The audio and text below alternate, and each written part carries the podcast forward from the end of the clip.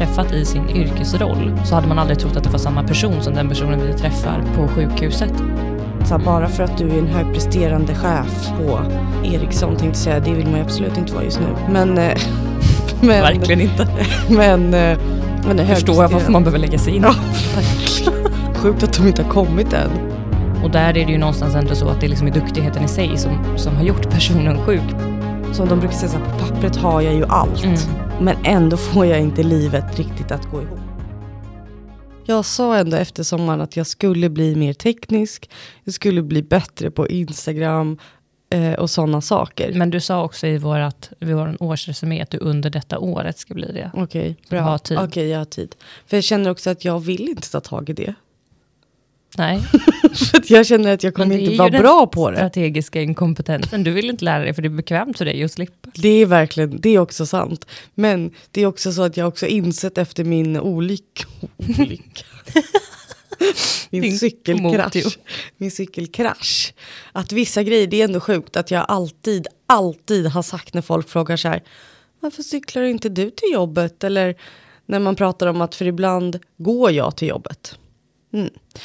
Okej, inte går hela vägen, jag går en bit. Men i alla fall, då har folk faktiskt sagt, du skulle kunna cykla. Och jag svarar, jag skulle dö då. Alltså, och då vet jag ju att jag bokstavligen inte skulle dö. Men jag tänker ändå att jag skulle råka ut Nu för var det en ändå olycka. ganska nära. Ja, men så fick jag för mig att kanske ska prova att ta cykeln ändå. Vad hände? Alltså helvete. bokstavligen 20 meter från min port. Så kraschar jag med cykeln och får sy fyra stygn i pannan. Det är ju verkligen univer- universums sätt att säga till mig, fast du har ju alltid sagt att du inte ska cykla. Mm. Så du ska inte cykla. Nej men du ser ju ändå lite cool ut nu med ditt ärr på ögonbrynen. Ja, alltså verkligen. Ska vi börja avsnittet nu på riktigt? Ja, förlåt.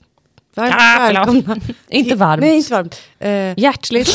det var en, ja, nej det får man inte, vet du det värsta jag vet är typ när folk säger så här hjärtat. Jag vet inte varför, jag, kan säga det till andra. Men när någon säger det till mig så är det som att jag Men Vem upplever, säger det till dig? Eh, min man säger så ibland, Ah, så här, okej. hjärtat typ. Grejen att Jag jag... föredrar baby. Sexbomb. jag föredrar älskling då, men eh, det är för att jag på något sätt har fått Gumman. för mig, nej det är ju, hjärtat och gumman är för mig nedvärderande ord. Jag, jag vet inte, han menar inte så. Alltså förstår Jag du? säger en gumman också. Absolut Vad inte. hände med min röst? Någon, någon gång sa han det i början och jag sa det där säger du aldrig mer om. Typ. Han bara, vännen. ja, ja. Ehm, Ja, hur som haver. vänta lite, jag ska komma på något bra. Nej, men det finns det inga andra Nej, men äntligen är vi adjektiv tillbaka. som passar. Men det har vi också sagt jättemånga gånger. Äntligen tillbaka. Men då kan vi ändå säga så här. Som ni har längtat. Här är podden Normalt galen. Mm. Det gjorde verkligen så. Mm. Det var jättebra. Som att vi aldrig har sagt så innan. Som att jag supernöjd med mig själv. Två tummar upp. Ett ögonbryn upp. Det enda du har kvar. Exakt. Okej. Nej. Men man kan ju inte säga något annat. Man kan ju inte säga stort välkomna. Nej, säg bara något nu. Nej, jag kommer inte på någonting. Utan vi säger bara välkomna, välkomna. Hemskt välkomna kan vi säga. Hemskt välkomna till dagens avsnitt av podden Normalt. Galen! Avsnitt nummer 30. Badam, bam, bam, bam. Det här är också en podd om psykiatri och allt mellan himmel och jord. Det är jag som är Emma. Och det är jag som är Rebecka och vi är två sjuksköterskor som arbetar inom specialistpsykiatrin i Stockholm. Som sagt, avsnitt nummer 30. Ändå sjukt. Vi glömmer ju typ alltid att så här, uppmärksamma att när det är ett jämnt antal nya avsnitt eller när det är något särskilt. Kommer alltid på det i efterhand. Ja. Inte för att 30 är så speciellt, Alltså, men jag eh, tycker ändå att det är. det är lite jubileum över det ändå. Jag har alltså gjort fler avsnitt än vad du är gammal. Mm. Det är ändå stort. Det är ändå stort. Folk Jag berättade ändå, undrar hur många, hur många sitter och tänker nu så här. Hur många avsnitt till behöver de göra? verkligen, För att Gammal komma över Emma. 12. Exakt. Ja. Men jag pratade faktiskt om podden eh, med en person häromdagen som frågade sig, ah, men hur många avsnitt har ni släppt då? Och så sa jag, ah, men det här nästa blir 29. Och den här personen bara var verkligen imponerad. För jag sa, ah, men vi har hållit på drygt ett år. Oj, men det är ju varannan vecka. Och jag kände bara, ja alltså, det är väl ganska lite. Dessutom har vi ju verkligen inte lyckats med varannan vecka heller. Nej. Nej, och att just det här att folk, jag tycker ändå att det är trevligt att folk blir imponerade när man sen också så här, och ni som jobbar heltid och, och jag kände lite så här, gud nu hann vi inte, nu blev det tre veckor och nu, Mm. nu blev det uppehåll och man bara känner en så här, ah, men folk är ändå liksom, det känns ändå bra att folk blir imponerade. Ja, alltså, för det har ju hänt flera gånger att folk Ja. skriver, alltså, om de skriver till oss att de ja, tycker om podden och sådär. Och att, ehm, ja, men liksom att de uppskattar den och att så här, wow, fattar inte att ni hinner och ni jobbar heltid. Och här sitter vi och klankar ner på oss själva. Ja, inte okej. Nej, verkligen Det inte får okej. vi sluta med. Jag tycker 30 är stort. Och när det är avsnitt 50, då är det, då. Nej, men vi måste ju ladda väldigt mycket för att komma på något väldigt stort då till avsnitt 50. Ja, kan inte ni komma med tips vad man gör med när man har kommit upp i avsnitt 50? Mm. Ni kan ni har ett tag att De fundera. bara, livepodd. verkligen. Vi bara nej, vi fyller Globen.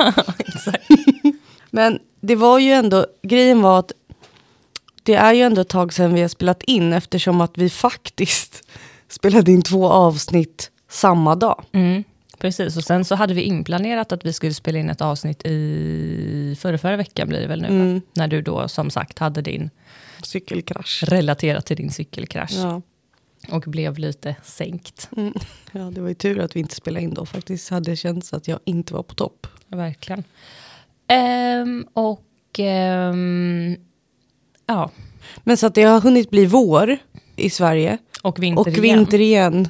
Men det är i och för sig inget som är garanterat att det har tagit lång tid. Det kan ju också gå över en natt. Eh, Mm. Men, Verkligen. ehm, så att, men eh, hur mår du? Från det ena till Ja det andra. men nej jag tänkte, men Eh, jag nej, men jag, pratar så mycket om mig själv igen. Så jag tänker vi börjar med dig. Hur mår du? ja, eh, ja, men jag mår bra tack. Jag känner att jag, så här, jag sovit ganska ändå okej i natt, men jag har varit ganska trött idag. Men undrar om det är för jag också varit jättetrött. Alltså på vägen till Men det är väl för att det blev vi vinter typ, då kanske. Jag. Satt vi typ och gäspade ihop. Ja, verkligen. Men, eh, jag, nej, men alltså, jag mår ändå på det stora hela bra. Jobbmässigt så tycker jag att det har varit, eh, det har varit flera veckor där det har varit ganska, alltså det har känts fint att vara på jobbet för det har varit ovanligt många patienter som verkligen har uttryckt hur nöjda de har varit med sin vård. Alltså som verkligen så här, Ja. Ehm, för det är ju, ehm, alltså det, det är klart att det alltid finns patienter som uttrycker att de är nöjda med vården. Ehm, eller klart och klart, men det är det faktiskt. Men, men nu så har det varit många och det är ju inte alltid de som, som är nöjda som, som uttrycker det jättemycket. Och ibland så är det ju att man kanske är sämre på att höra det. um, för att man liksom på något sätt tar åt sig mer av när, när, när patienten inte är nöjda. Uh, Men nu har det varit faktiskt många som har varit liksom gång på gång verkligen påtalat att så här, men, det här är den bästa avdelningen jag har varit på och alla är så fina och jag har fått så bra bemötande. Och det var någon patient eh, i synnerhet då som var liksom ja, men utvecklade då kring varför hon tyckte att det var så bra och liksom att så här, ja, när hon hade varit innan, det var någon avdelning specifikt då där hon sa, ja, men det var någon dag som jag liksom hade, jag räknade hur många gånger jag blev avvisad, alltså så här, när hon bad om hjälp ja. eller att ehm, någon inte hade tid precis då och sen så när hon frågade igen, ja, då skickade den till någon annan. Ja, men liksom så här, hon bara, blev jag avvisad 16 gånger på en dag och här har alla liksom, även om inte någon har tid så är de så snälla och så får jag hjälp av någon annan. Och så det har varit mycket sånt och det är faktiskt, eh, det betyder väldigt mycket. Ja, det är väldigt fint. Och att vi har haft många patienter, eller många, men ganska, några stycken i alla fall, som har varit fruktansvärt eh, negativa när de blev inskrivna. Mm. Som det sen har, alltså under vårdtidens gång, Har ändrat vänt. sig. Mm. Och det är ju också väldigt fint att se att, att man faktiskt kan jobba med liksom alliansen och att man kan få, få folk att ändå ändra uppfattning om Mm. till exempel eh, psykiatrisk heldygnsvård. Mm. Så det tycker jag också har varit väldigt, väldigt fint. Mm. Det Ja, ger rätt mycket till en arbetsgrupp också. det gör verkligen det. Styrka, eller vad man ska säga. Så det är väl ändå någonting som jag kan eh, lyfta upp, alltså jobbmässigt så, var, mm, liksom, ja, Mm. istället för att komma med vanliga gnäll och gnället om att det är mycket. Hur är det med dig då? Äh, men det, är- det, är Det är väldigt, rätt mycket nu. det är mycket nu. Sommarplanering, Ja, exakt. Nej, ja, bemanning. sånt tycker jag är lite roligt. Eller ja, nej, det var lite kul. Ja, lite kul. Nej, men det är bra. Jag som sagt var ju borta från jobbet i typ en vecka där. Eh, relaterat till, Komotio. Komodion. Eh, min lätta hjärnskakning. Men, eh, och jag tycker alltid att det är trevligt. Det är då man uppskattar, inte all, bara, men jag kan uppleva att när man är li- liksom, ledig eller borta lite längre, typ, att man inser när man väl kommer tillbaka till jobbet så här. Det brukar jag säga, men så här, ah, jag gillar ju verkligen mitt jobb. Jag Ja, men också att, att ha ett jobb att gå till. Alltså, Ja, ja, ja, gud, menar jag ja. inte i motsats till att vara arbetslös, utan i motsats till att ha ett jobb eh, där man arbetar hemifrån. Ja, fy, fy fan. Jag tänkte, jag tänkte svara. Jag tänkte svära, tänkte på min mamma och tänkte, tog tillbaka den svordomen. Mm. Eh, men eh, nej, så att det, ja gud vad hemskt. Fy sjutton. Fy bubblan.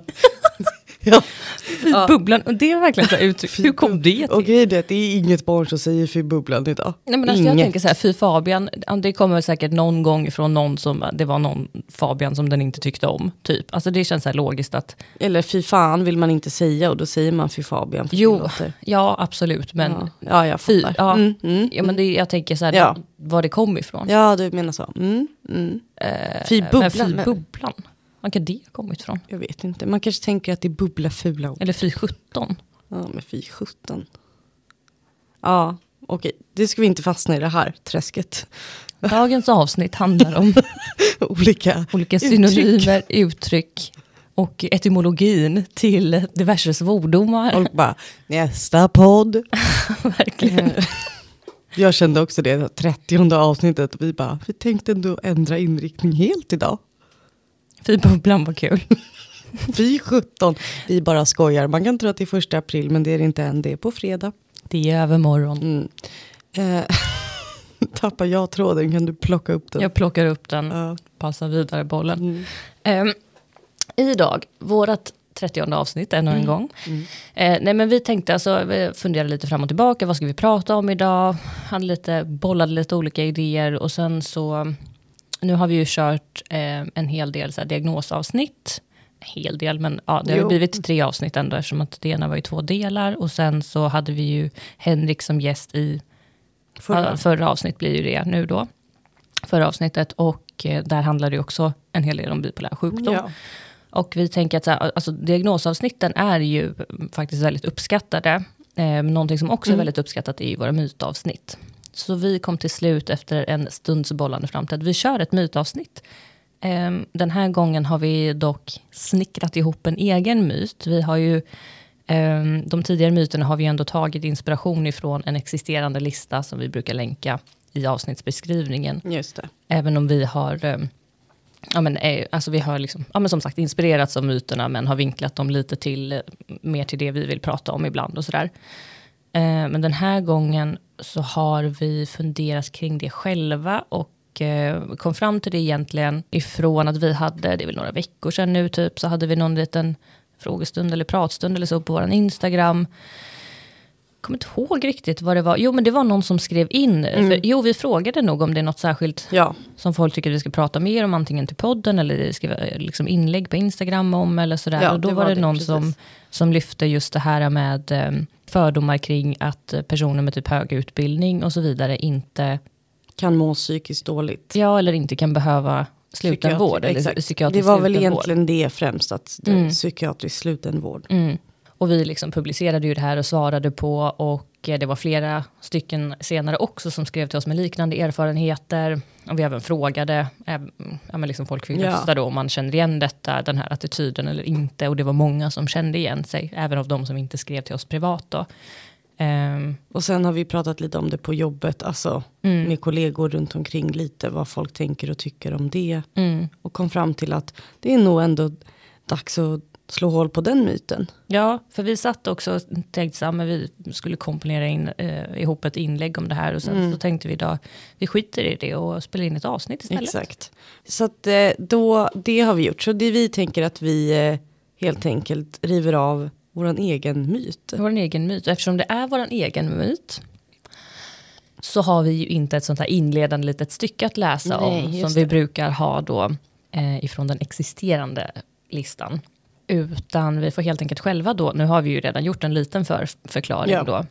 Men ytterligare då, för att exemplifiera den här myten vad den består av, så är det väl egentligen ska att, säga vad myten heter. ja vi kan ju börja där. Vi har ju då döpt den här myten till den inkompetenta patienten. Ja, precis. Och ehm, för att förklara lite mer då vad syftet med den här myten är, eller vad eh, myten innefattar, Mm. så är det väl egentligen kort sagt att det, det ändå existerar en, en fördom. Ja, en ganska, jag tänker ändå en ganska stor fördom. Ja. När man väl gräver i det lite. Mm. Kring just då att eh, det är alltså av personer som behöver psykiatrisk slutenvård, sjukhusvård, alltså heldygnsvård, Mm. är personer som är mer i det lägre begåvningsspannet, alltså har lägre IQ, Ja. har lägre utbildning, eh, ja men helt enkelt, Alltså typ inte kan ha ett jobb, inte kan ja få ihop livet exakt. för att de är lågbegåvade. Och till som resultat då av den här fördomen så kan personer då som inte passar in i den här mallen ofta förekomma att, att de får höra till exempel att så, ah, men vad gör du här? Eller Eh, du som, har, du som är så duktig, Exakt, du som är så duktig, du som kan, du som är så klok, du som är så kompetent. du som är så utbildad inom Ja, bla bla bla. Exakt, eh, Etc, etc. massa sådana saker. Och det, jag tänkte bara, nu sa ju du det, men jag tänker vi poängterar att det här är framförallt i heldygnsvård. Att eh, liksom i det stora hela så... Alltså eh, upplever inte att, att den här fördomen är lika stor kring att så här, ja, typ man kan inte må dåligt för att man är välutbildad eller man eller har inte ett bra jobb. Ja. Eh, utan, men mer att man, att man blir så deprimerad att man behöver ha slutenvård. Mm. Det är liksom där. typ. Ja, inte bara deprimerad utan Nej, men alla möjliga olika um, sjukdomstillstånd Mm. som man kan drabbas av där man kan bli så pass dålig att man behöver sjukhusvård. ja, exakt. Och ehm, som ä- alltid i våra myter så, eh, och som namnet ehm, liksom antyder i avsnitten så är ju detta en myt och vi tänker att vi ska slå hål på den mytbubblan. Ja, verkligen. Det är liksom poängen med avsnittet. Men jag tänker att vi skulle kunna börja med, typ, vad har du för tankar om alltså personal som uttrycker sig på det här sättet? För det här är ju saker som, eller rättare sagt, jag tänker att det här är fördomar som inte bara eh, existerar bland vårdpersonal, givetvis, utan jag tror att, eh, eller min erfarenhet är att personer som får höra sådana här kommentarer, det kan man få även av personer i sin närhet, Ja, eller liksom vänner eller kollegor Ja. eller vad det nu kan men vara. jag, tr- jag tror, alltså, Men även vårdpersonal. ja, men de här kommentarerna upplever jag ändå är, det är liksom inget illa menat med dem. Jag tror ibland att de här kommentarerna, alltså jag tror att de är väl menade. Sen landar de otroligt fel. Mm. Alltså förstår du vad jag menar om någon säger så här, men du som är så hög, eh, inkompetent, eh, du, vad, vad gör du här? Då tror jag liksom, jag tror verkligen inte att folk menar så här, du borde inte vara här. Eller, eller, det, eller, du, eller du får inte vara här. Och jag tror inte att de tänker att, så här, gå hem nu. Men jag tror att de tänker så här, vad har gått snett? Varför behöver du vara? Ja, men jag, vet, jag vet inte hur jag ska förklara det, men jag tänker att, det, att kommentarerna är väl, välmenade. Mm. Eller är det lättare, för det är, det är samma sak så här, är det lättare att se, alltså om en patient, om vi har en, en sjuk patient och sen så liksom ser man att saker runt omkring i livet inte heller funkar. Alltså så här, det funkar inte att utbilda sig för att det, man, man klarar inte skolan eller man klarar inte att hålla ett jobb eller, eller de dagliga rutinerna eller något. Då är det mycket lättare att typ ha en förståelse för att man mår dåligt. Mm. Medan när man har en person som, när hen inte är sjuk, så, så har man liksom, klarar man väldigt mycket väldigt, väldigt bra. Då blir förståelsen väldigt svår till att se att man sen behöver heldygnsvård. Och därför kommer kommentarerna. Alltså att det är brist på förståelse kring varför man blir sjuk. Mm. Att man liksom letar efter en enkel Jag, förklaringsmodell. på ja, jag sätt. tänker det. Att det är lättare att se att du som inte klarar ditt vardagliga liv alls, fast du kanske inte, när du mår bättre också, Mm. behöver vara och få hjälp av oss. Men du som, vilket är väldigt märkligt för att jag menar, alltså typ somatisk vård, det är ingen som säger så här, "Ja, men du som är så kompetent, hur kom det sig att du fick en hjärtattack? Nej, men jag, jag tänker att det hör väl ihop mycket med, alltså lite av det av sånt som vi var inne på i, eh, när vi pratade med Henrik i, eh, i avsnittet med honom, när vi diskuterade kring det här med att vara bipolär eller att ha bipolär sjukdom. Ehm, just det här med att om man har en sjukdom då som hänger ihop mycket mer med ens personlighet, vilket ju gör, alltså vilket ju många psykiska sjukdomar eh, gör Ja. på sätt och vis. eh, även om det inte är liksom att personligheten är sjuk så är det fortfarande så att sjukdomen tar ju sig yttringar i ens personlighet Ja. om man säger så. Ja, ja, precis. Eh, vilket ju typ en hjärtinfarkt inte gör Nej, på samma sätt. nej, nej. Men jag tänker att, eh, jag tänker att det, jag håller med dig om att det många gånger nog är så att det är inte illa menat. Ehm, även om det, jag vet inte, alltså jag, jag Eller försöker... är det det, tänker jag, Nej, när men- vi pratar om Ja, det? alltså, alltså jag tänker så att även om det är välmenande så tycker jag inte att det är okej. Och jag tycker att här, det tyder på såklart en, ja, men såklart en väldigt bristfällig förståelse för faktiskt hur eh, psykisk sjukdom både uppkommer och kan yttra sig. Ehm, men, men jag tror inte att det alltid är välmenande heller. Alltså, jag, menar, jag tänker att det finns många andra saker och framförallt sånt som vi har diskuterat i, i flera av våra tidigare mytavsnitt. Eh, som faktiskt speglar personals inte alltid så välvillig inställning till, till patienter på olika sätt. Eh, och att det ju eh, lika väl också kan vara en kommentar som, som avspeglar sig i det, just det här eh, maktövertaget, att man liksom, ja men förstår du på något Mm, sätt att ja, det är ett ja, sätt ja. att se ner på patienten. Sen anser jag ju kanske att även om det är välmenande så blir det ju en varför ska Alltså man även, säga ofri, det? även ofrivilligt, även om man nu tänker att så här, det är välmenande, typ så här, men du som skulle kunna så mycket bättre, även det blir ju en nedvärderande kommentar till patienten eftersom att det på något sätt antyder att Man inte okej, klarar det nu. ja, ja, antingen det eller att typ att egentligen så kan man bättre, men det antyder ju då i så fall att man väljer att inte göra bättre. Förstår du vad jag menar? Ja, att så här, ja. Men du som är så duktig och du som är så klok och du som är så hit och dit, vad gör du här? Det måste ju betyda att du av någon anledning vill vara här, eller att du, alltså förstår du, Ja. att, man, att man blir inne på det spåret är ändå att underförstått är ju det det enda sättet som, som jag kan tolka det, även om oavsett om personen som säger det har tänkt den tanken från början till slut, så är det ju någonstans det man måste mena. Jag, kan, jag Ja. kan liksom inte, vad menar man annars? Alltså, och, och nu menar jag om vi utgår ifrån att det är den som säger det har en baktanke i att, så här, det, att den menar väl. Mm. Vad skulle syftet med den vara? För i så fall blir det ju bara en ryck upp dig-kommentar. Alltså för det blir, blir lite det. den naturen på den. Att så här, du kan ju mycket bättre så ryck upp dig. För då skulle du inte behöva vara här om du bara Nej. ryckte upp dig. Nej, för det är det, nu satt jag, jag, nu ser inte ni mig, ni som lyssnar, men jag satt helt försjunken när du pratade. Men det var ju det, var det jag funderade på, så här, eh, alltså ju mer man grä, grottar i det och tänker på det, så här, det är ju en jätteelak kommentar. Ja, definitivt. Alltså så här, det finns inget välmenande i det. Nej, det är alltså ju det jag menar. framförallt, Jag- de, nej, nej, nej, framförallt de patienterna som är hos oss, alltså akutpsykiatrisk heldygnsvård, då är man ju jättesjuk. Mm. Annars, annars alltså, det vet ju alla, så här, platsbristen i Sverige Mm. liksom på psykiatrin, så att när du väl har en plats, det är ju, du behöver ju verkligen platsen. Och då tänker jag att så här, det är ju en helt ofattbart konstig kommentar att ens Mm. lägga. Och det blir ju lite det här, äh, och då kan man ju tänka att de som hör de kommentarerna, för det var ju ändå, det var ju ändå lite skrämmande, att det var ju väldigt många som kände igen sig i att ha hört sådana liknande liksom, kommentarer i att så här, du som har varit så duktig i skolan, varför blev, och så blev det så här, eller vad det nu kan vara. Det blir ju också en påfrestning till att så här, till exempel så här, många med ätstörningsproblematik till exempel, som har liksom klarat skolan jättebra, de har varit jätte, liksom, högpresterande, jätte, liksom, allt har gått jättebra, tills det inte går bra. Och då kraschar det.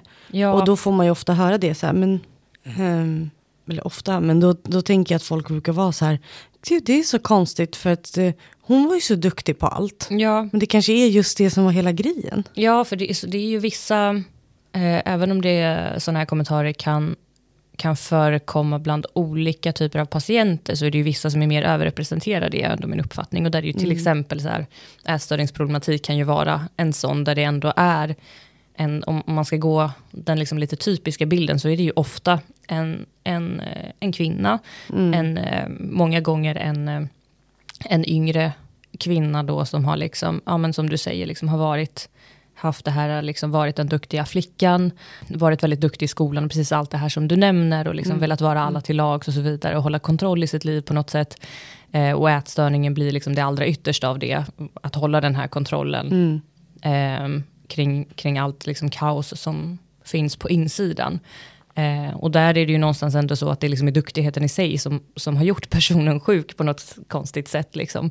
Ja. Eller konstigt, jag vet inte om det är så konstigt. Men, men att där blir det också då snarare då ännu konstigare just att, att fälla en sådan kommentar. Alltså kring att du som är så duktig. Och likaså det finns det ju andra, ja men det finns ju också patienter som till exempel, om så här, just det här med till exempel kompetent, för det är ju någonting, alltså det kanske inte är någonting som, som patienter jätteofta får höra, att någon säger du som är så kompetent, men däremot så upplever jag att det är ändå någonting som man hört många gånger som sägs om en patient. Ja, i typ personalrum, Ja, men eh, exakt. rapporter, wha- whatever. Liksom. Hon, har, Så. hon som har så mycket resurser, eller Ja. han, som är så kompetent. Exakt. Fast då är det ju ofta i sådana situationer där det är lite nedvärderande. Alltså typ som... Eh, Ja, men det är som att man väljer aktivt Ja, själv att men- inte använda sig av då sina resurser och sin kompetens. typ som när det gäller personlighetssyndrom. Då är ju Exakt. det en jättevanlig kommentar. Så här, Verkligen. hon som är så smart. Mm.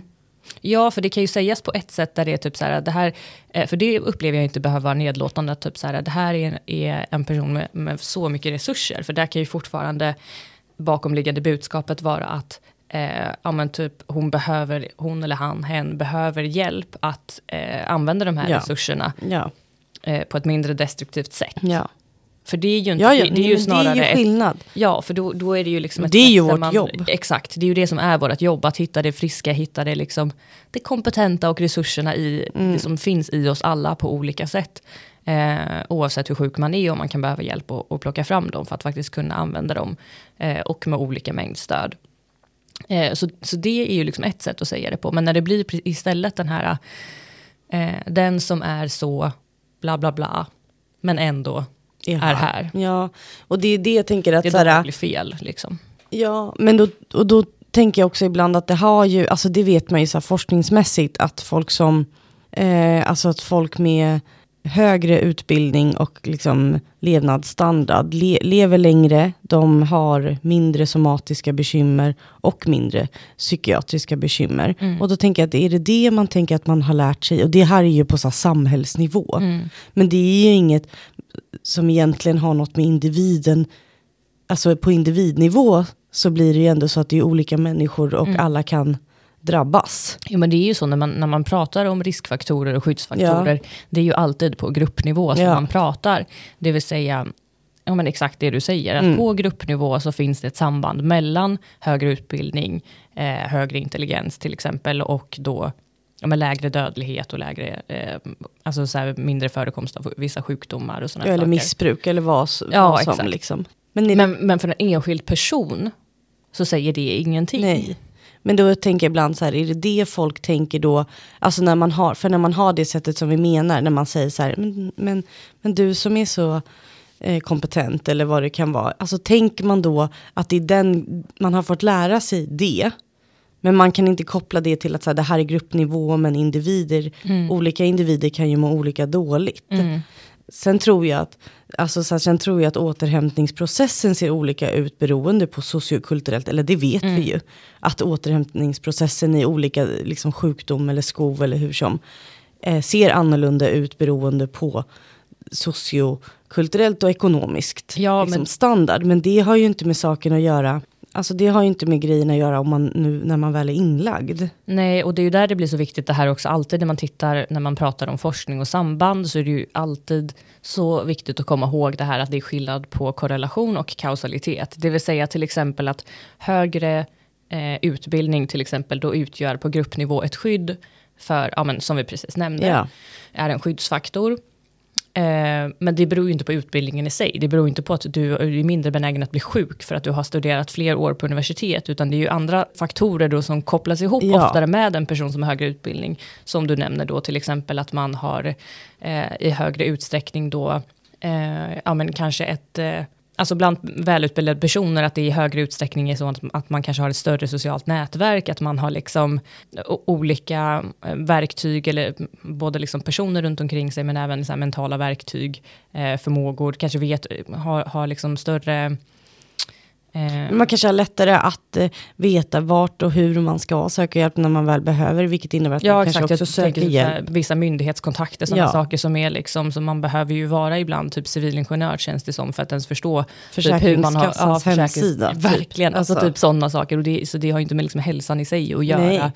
Det är inte en direkt koppling, alltså Nej. en kausalkoppling på det sättet. Nej, men, och det tänker jag absolut, och det är det jag menar att så här, man har, alltså för jag menar det vet man ju också att så här, om man har eh, ekonomiskt stabilt, Ja, det var det jag skulle ja, komma fram nej, till. men det är ju också en jätteviktig skyddsfaktor i att det här stressrelaterade som vi ändå ser att de som faktiskt inte har det, Att man har man faller tillbaka ja. lätt, lättare då i, i kanske missbruk, i att man säljer sig själv eller alltså sådana saker som inte händer när man då har ett stabilt socioekonomiskt. Ja, att man har färre Liksom. stressorer, Exakt. alltså socioekonomiska och socio sociala Eh, stressorer i sin Eh, omgivning. Ja, exakt. Så det är liksom mycket sådana saker som spelar in när det kommer till det där. Ja. Eh, men någonting som man sällan nämner och eller liksom kommer ihåg att nämna, mm, just när, det är, när man pratar om det här med skyddsfaktorer och sådana saker, och, och intelligens och hit och dit,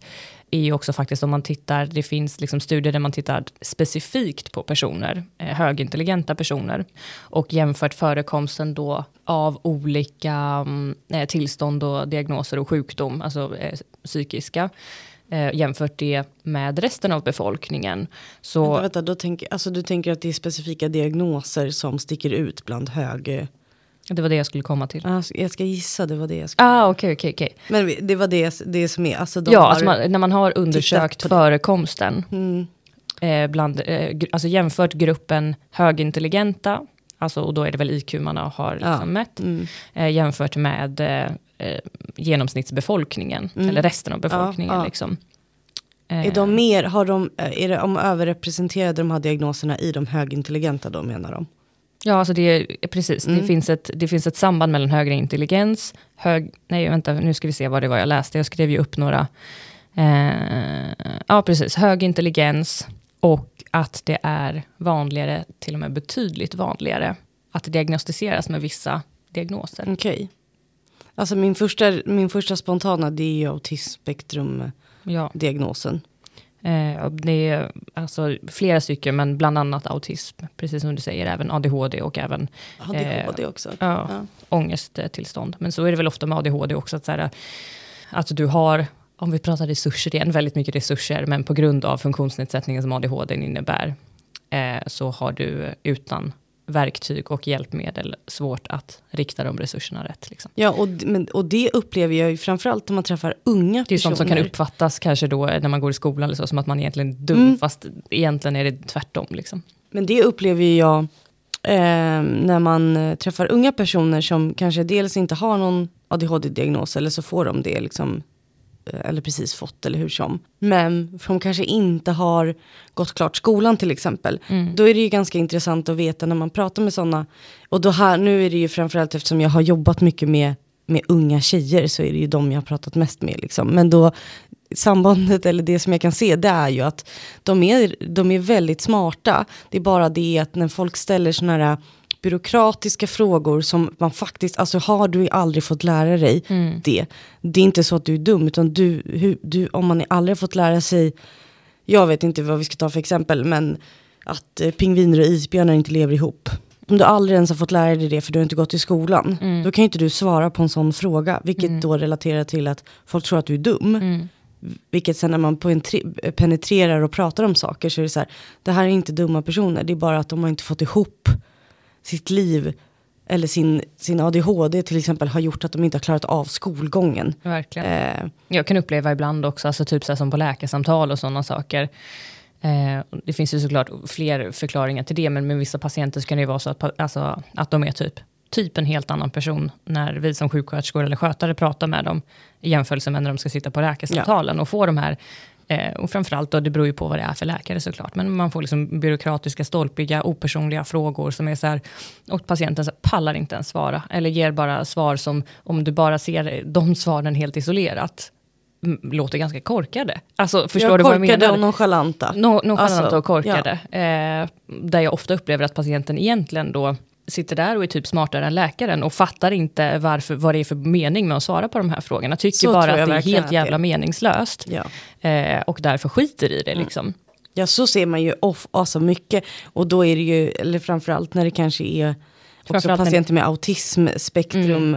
Liksom, då, är det ju, då är det ju verkligen så att alltså, ställer du frågor på ett sätt som inte är går att svara kanske till exempel bokstavligt på eller att man tar saker bokstavligt. Då kommer du få ett jättekonstigt svar och då kommer du tänka kan inte den här personen. Men sen om du penetrerar då har de full koll. Då har de antagligen kan de sakerna utan till men de kände men du frågade inte det. Ja, Eller- precis. eller till exempel när läkare ställer frågor som patienten vet att de själva redan har svaret på.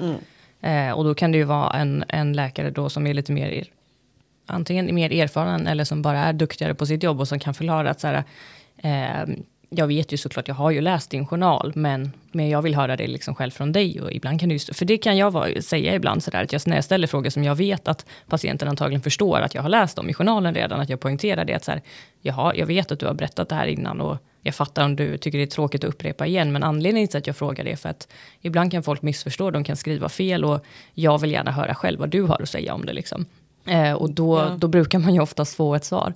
Det var ju som, eh, bara kom på att tänka på det, det var en patient som alltså hade pratat väldigt mycket om att patienten hade inte eh, suicidtankar eller planer. Alltså det var liksom, det stod ganska mycket, de hade pratat mycket om det.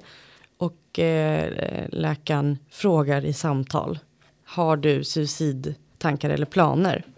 Och den här patienten bara stirrar. För att det var, och det var så tydligt sen så här, eh, efteråt så här, eh, så sa jag så här, ja, nu vet ju vi att det- det är så, för det har ju du sagt att du inte har. Men, Alltså hade personen sagt det i det samtalet? eller Nej, sagt alltså det innan? sagt det mycket innan. Så att det var liksom, det var en, den här personen upplevde att, Det hade aldrig varit på tal. det Liksom. var en dum fråga från läkaren. Alltså Ja. så här, men istället då hade ju läkaren kunnat säga så här, det här måste jag fråga alla patienter, så jag kommer fråga dig fast jag kanske vet svaret. Eller du behöver... Vilket också inte är sant. Men, Det är inte sant, men jag tänker att, eller du behöver ändå svara, jag ställer den till alla. Eh, då hade ju patient, för det sa jag efteråt, att så här, ja, det är ju sådana frågor vi behöver ställa inför eventuellt permission, tror jag att det var. Så att när du inte svarar blir det ju väldigt svårt att bedöma om du ska få gå på permissionen eller inte. Och patienten bara, jaha, nej men jag har verkligen inga suicidtankar eller planer. Men hade, inte, hade vägrat svara på frågan inne på läkarsamtalet. Mm. Det är också en sån grej. Det är också bemötande och hur man, hur man uttrycker sig. Men det var bara en sån kul grej. Och där tänker jag så här, om man, om man, nu, om man tänker sig, det kan ju förekomma annars också, men jag tänker att så här, vissa diagnoser, till exempel autism, där man kan ha lite mer svårt då med det men, mellanmänskliga samta, eh, Ja. samspelet. Det kan man ju känna ibland då, att så här, uppenbarligen så behöver man inte vara lågintelligent för att ha svårt med det mellanmänskliga samspelet, Nej. med tanke på att läkare eh, har ju uppenbarligen klarat att ta sig igenom en avancerad och lång utbildning, och det är inte alltid de har så lätt för det mellanmänskliga samspelet. Nej, det är inte det. Då lät jag kanske lite raljerande, men jag står för det. Det, det, är ju för, det är ju för att erfarenheten säger att det är så. Ja, verkligen. Anywho. Anywho, om vi återgår lite då till det här med att, eh, att det finns vissa diagnoser då som är mer eh, vanligt förekommande bland, eller inte mer vanligt förekommande, men bland högintelligenta, att det är högre förekomst då av vissa diagnoser. Eh, så kan man ju säga lite kring det då, att så här, själva att ha högre intelligens i form utav då Alltså högre IQ. IQ brukar det ju vara det måttet som man mäter det i. Även om det ju finns olika aspekter av intelligens givetvis. Men de flesta är ju Jo. svåra att mäta på det sättet. Eh, men högre intelligens i sig då, det leder ju å ena sidan då till liksom, ja, men ökad medvetenhet. Eh, man har liksom, får en bredare generellt då förmåga att läsa och förstå sin omgivning på olika sätt. Eh, och det kan ju å ena sidan ge en möjlighet till förmågor så som till exempel att man blir mer kreativ. Eh, men det kan samtidigt också gå hand i hand med att man har väldigt ja, liksom starka reaktioner på yttre stimuli på olika sätt. Eh, och det är ju sånt som i längden också kan lagras i kroppen på olika sätt. I liksom, alltså stress, eh, inte bara när man har, har blivit utsatt för liksom något stort trauma, så, utan stress på olika sätt som liksom Ja. återkommer. Även låggradig stress, det kan liksom lagras i kroppen på olika sätt. Och liksom, Under lång tid. Exakt, under lång tid. Och eh, det är ju liksom såklart jobbigt att leva med, men det, det har man också då kunnat se att det faktiskt kan eh, öka risken då för till exempel djupare depressioner. Mm. Så att det är verkligen inte så enkelt. Nej, Som, och nej. Den här myten är liksom verkligen den är liksom också Fel. väldigt må- mångsidig i att det är så många komponenter som, som liksom styr. Och jag tror och hoppas verkligen att folk, alltså idag är man så, pratar man ju ganska öppet om psykisk ohälsa och psykisk hälsa, att man ändå hoppas att det blir bättre. Men jag menar, det är ju som i förra avsnittet när vi nämnde det här, äh, Henrik nämnde ju det här att folk hade skickat DM till honom när han, han kom ut som bipolär. Att säga, jag skulle aldrig kunna berätta det här för att jag är ju- jurist eller jag är liksom någon högt uppsatt vd och sånt. Och det är ju fortfarande, alltså i samhället är det nog ännu mer så att man har den synen på att de som är psykiskt sjuka är de som är dumma och Inte de i toppskiktet. Nej, liksom. absolut inte. Förutom autismspektrum liksom, tillståndet. Mm. För där tycker jag att de har på senare år verkligen visat i många tv-serier också hur. Men det blir också så himla så här allt eller inget. Antingen är man Verkligen. Sheldon då i Big Bang Theory. Ja, typ. Eller i han, vad heter han, kirurgen i... The good doctor. Exakt. Alltså, det är liksom det som, Som är är. liksom savant. Ja, och de är, det är liksom otroligt. Mm. Otroliga genier. Mm. Eh, även om han har det tufft i livet ändå. Ja, men exakt.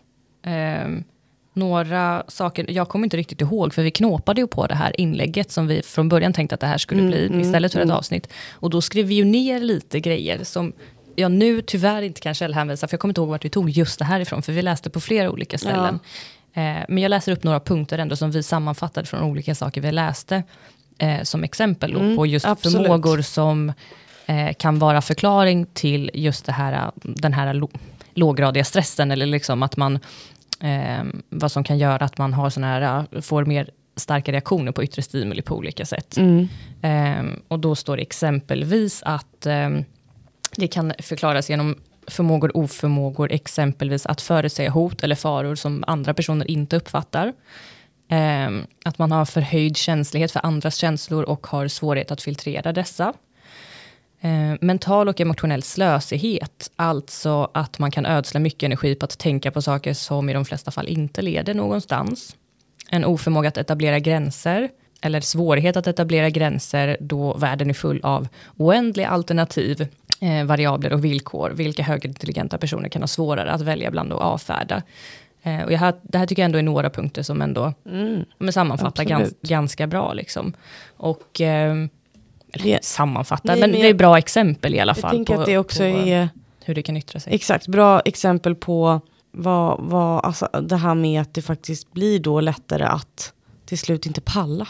För det är ju många som säger, alltså som är högintelligenta som till exempel har autism, alltså ligger i autismspektrumet, att så här, de, de klarar, de har klarat livet liksom, de är på topp, de är liksom jätteutbildade, de har ett jättehögt jobb, de är liksom allt sånt. Eh, och till slut bara kraschar det för att man, man liksom har stress, kanske inte på jobbet på att man inte klarar sitt jobb, utan mer i samhället, andra saker. Ja, eller ibland så är det någonting i ens sammanhang som förändras och så faller allt. Ja. Det, det, har man ju liksom, det, det stöter vi också ofta på, att man har liksom, eh, personer som har klarat livet eh, ja, lika väl som gemene man. Och sen helt plötsligt händer någonting, eh, ja, men antingen typ som nu är ganska många här under liksom, när vi har haft pandemin, att så här, man blivit av med jobbet, eller att jobbsituationen har förändrats, man har börjat jobba hemifrån till Ja. exempel, eller förlorat struktur i vardagen, och helt plötsligt så faller allt som ett plockepinn. Och Eh, man, man kan inte plocka upp det. Nej, man, kan inte, man vet liksom inte vad man ska, för en sak faller, sen faller en till, man vet inte var man ska börja och helt plötsligt sitter man där och öppnar inte ens räkningarna. Och sen så har alltså det, liksom sådana saker också i att, att, att liksom ens rutiner och sammanhang rubbas på något sätt. Och sen tänker jag också att så här, det här med kompetens, om vi ska återgå till det uttrycket, är också så här, någonting väldigt komplext. Jag tycker det är också väldigt enfaldigt uttrycka sig på ett sätt som att så här, kompetens är något statiskt och någonting, alltså dels något statiskt som inte kan förändras över tid och gå i vågor, men också i att kompetens är någonting man innehar likvärdigt i alla delar av sitt liv, vilket inte är sant. Nej, det tycker jag är väldigt viktigt att poängtera. Att man så här, du kan ju vara kompetent på ett plan. Alltså så här, vi, vi, om vi nu ska, eh, vi, vi ska, om vi förenklar det lite. Typ så här, eh, du är kompetent på, alltså då tänker jag inte kanske jobbmässigt, utan så här, du är kompetent på att städa, men du eh, diskar aldrig. Mm, ja, Nej men alltså bara för att göra det lätt i att så här, okej så att ditt hem kommer vara skinande rent, men Mm. diskberget kommer... Ja, men eller eh, till exempel, eh, det är också något så ganska klassiskt, eh, om vi pratar ADHD igen, till exempel, det finns personer som klarar allting exemplariskt i sitt jobb, men hemmet ser ut som skit. Ja, de, kan inte De kan hålla inte ordning i ens- hemmet, kan inte sortera bland sina, har, har inte koll på ekonomin, har inte, behöver liksom massa hjälp.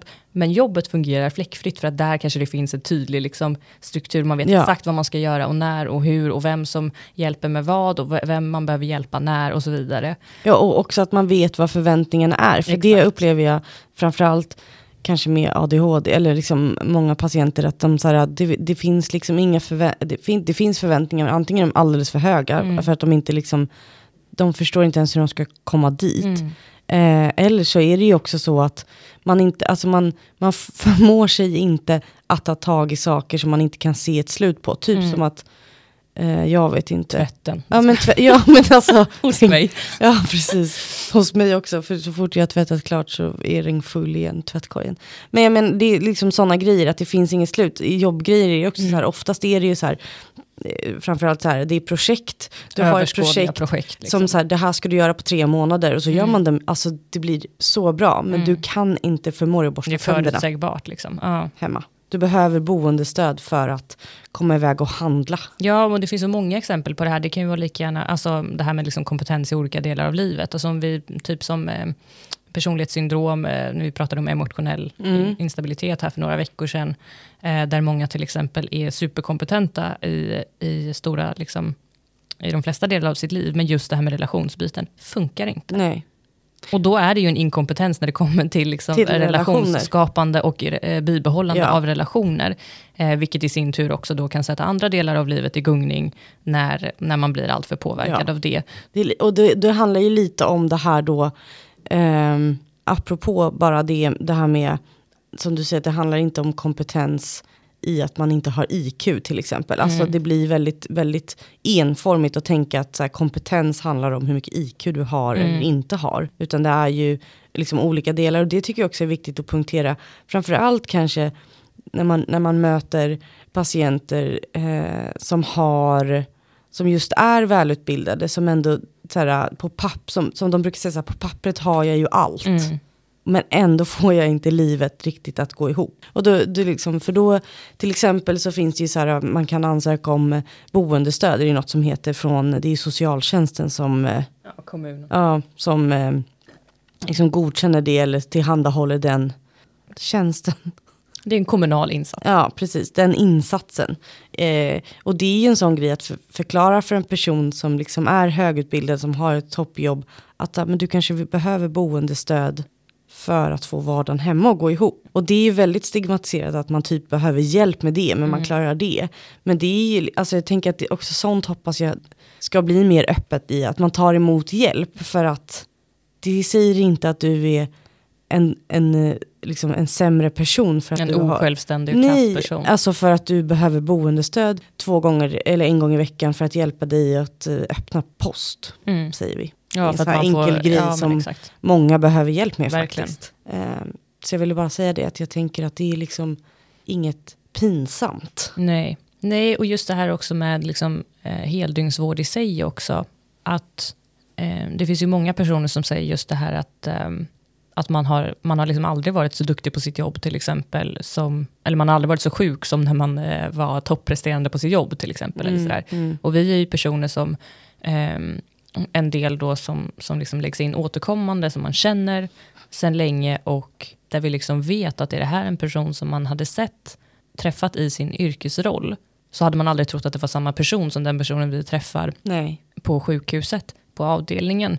Just för att, men dels det här då att, att duktigheten i sig faktiskt kan göra en sjuk, men också att så här, har man någon form av funktionsnedsättning som yttrar sig på ett, på ett sådant sätt, just så här att man också behöver paus från sin duktighet ibland. Mm. Alltså att, så här, att det är liksom ett ställe att faktiskt få andas ut för att orka fortsätta vara duktig är också en del av det. Alltså det finns så väldigt många olika förklaringsmodeller Och till det- varför det här är en myt. Ja, och det tänker jag också är viktigt för patienterna själva att lära sig att man Mm. inte behöver vara så jävla duktig jämt heller. Eh, men jag tror... Men det är också lätt att säga, hela vårt är ju samhälle det, är ju liksom så nu ska jag skitnödigt sluta vara så duktig och sen vet jag att jag ändå sitter där själv. Alltså Ja. förstår du, det blir lite så här Men vi, har ju, vi lever ju i ett samhälle som också är väldigt så här, prestationsbyggt. Eh, byggt. ja, exakt. Mm. Jag tänker ändå att eh, med det sagt så kanske vi ska lämna den. Alltså jag tycker att det var ett bra avslut du fick till där.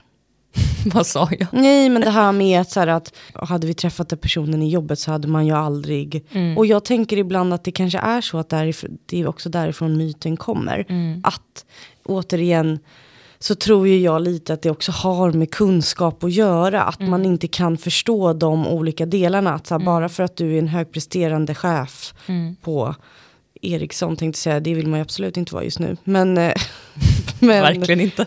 men, eh, men Förstår jag varför man behöver lägga sig in. Ja. Sjukt att de inte har kommit än. Verkligen. Eh, Vi men, väntar. men jag menar bara att, att och, sen då in, och sen när man då kommer till heldygnsvården att man nästan blir så här, man, man agerar ut sin sjukdom. Så kan man nästan känna. Men Mm. Man att man. Liksom. Exakt, Det är inte men att- jätteovanligt heller. det är ju absolut inte ovanligt. Men jag tycker att det är, där är det ju viktigt att man får utbildning som omvårdnadspersonal eller läkare. Men allt möjligt, alltså alla som jobbar, att man får utbildning i varför kan det vara så? Mm. Jo men det är ju som i För typ liksom- alla våra myter. Eh, eftersom att de, de flesta av dem handlar om bemötande på olika ja, sätt. ja. är ju just det här att, precis som du säger, att man har en bristande liksom, kunskap och analys kring varför olika beteenden uppstår, bakomliggande orsaker och att se liksom, samband andra än de Ja, jag vet inte, jag tycker ibland att de är uppenbara. Men de Jo, som, men du förstår uppenbarligen är de ju inte det för nej, alla då. Nej, men du verkligen. har ju också kunskapen. Så Mm. då blir ju sambandet en, enklare att se. Mm, ja, och det, alltså- det här är ju sånt som man ständigt behöver lära mer om såklart som allt annat. Men, men jag tycker ändå att det blir väldigt uppenbart i personer då som bara, man ser exakt det man har framför sig på typ rapportbladet Ja, precis. och sen inte kan Men- dyka djupare i Men det. är här det också skiljer sig. För det är också det, den kommentaren är ju så viktig som du säger. Man kan alltid lära sig mer. Eller man kan alltid. Mm. Det är ju det som skiljer. Alltså nu raljerar jag ordentligt. Men ibland är det det som skiljer de som, som faktiskt är lite bättre på sitt jobb. Mm. Och då menar, jag in, alltså, då menar jag faktiskt i bemötandet och hur, de, liksom, hur man är med patienter. Till de som inte, alltså det, hand, det är att man alltid känner, men det, jag känner ändå att jag inte riktigt koll på det här. Det måste ändå finnas någon studie, det måste ändå finnas någonting, kan vi diskutera det? Du och jag pratar ju extremt mycket med varandra om sånt här också, vilket liksom Mm. men gynnar intresset för människan bakom. Ja men liksom. att så här, varför, och, var, och intresset i att så här, om jag nu jobbar här, Mm. för det vill jag göra, då vill jag ju också förstå. Exakt. Eh, och det handlar ju om kompetensnivå. Och det handlar ju också om att, att så här, arbetsplatser, för jag vet att folk är så här, ja men vi vill ju gå de här utbildningarna, de säger nej. Så det handlar ju om att så här, arbetsplatser också ska tillhandahålla utbildningar för personal. Mm. Som sen när de faktiskt kommer med förslag själva eller liksom så. Jag tycker att det är, det är liksom viktigt för att jag, ibland upplever jag att man, alltså man lägger nivån ibland alltså uppifrån på en sån låg nivå att man känner så här, Jo men så är det snälla, det är ju liksom, du kan ju bli anställd utan någon utbildning alls. ja ja, men jag menar, Alltså även om Ja, du ja. inte blir liksom Nej, på en fast tjänst så är det ju nej, fortfarande precis. liksom Alltså jag menar, sen att så här, de som redan jobbar, att det säger någonting om hur mycket utbildning och fortbildning man får, det håller jag med om. Men jag menar bara, alltså, om standarden är så låg Ja. att du faktiskt kan komma och bli, bli anställd och få jobba utan att ha någon utbildning alls, så säger ju det också. ja men det gör ju det, men det, blir- nu, det är ett helt annat avsnitt. Ja, det är det verkligen. Nu snöade jag in på det, men jag bara kände Mm. att det, Vi släpper den vi bollen. släpper dem, den bollen och sen så tar vi upp nästa någon annan gång. Nej, men eh, nej, vi, vi låter det vara. Vi låter det vara, absolut. enkelt. Tack så jättemycket för att ni har lyssnat. Mm, verkligen. Hoppas att ni har uppskattar det här avsnittet. Eh, ni får jättegärna följa oss på Instagram. Vi är dåliga på att påminna om det, det senaste. Matgalen understreck podcast. Och en till grej som jag har kommit på att vi är väldigt dåliga på att påminna om är att ni väldigt gärna får följa oss på Spotify. Om ni ändå brukar gå in Ja. och lyssna på vår podd så får ni hemskt gärna trycka på följ. Dels för att ni då ju inte missar nya avsnitt men också för att det hjälper våran lilla statistik. Verkligen. Så att vi kan nå ut till fler. Så hörs vi igen om två veckor. Ja, ni får ha det så bra tills dess. Hej då!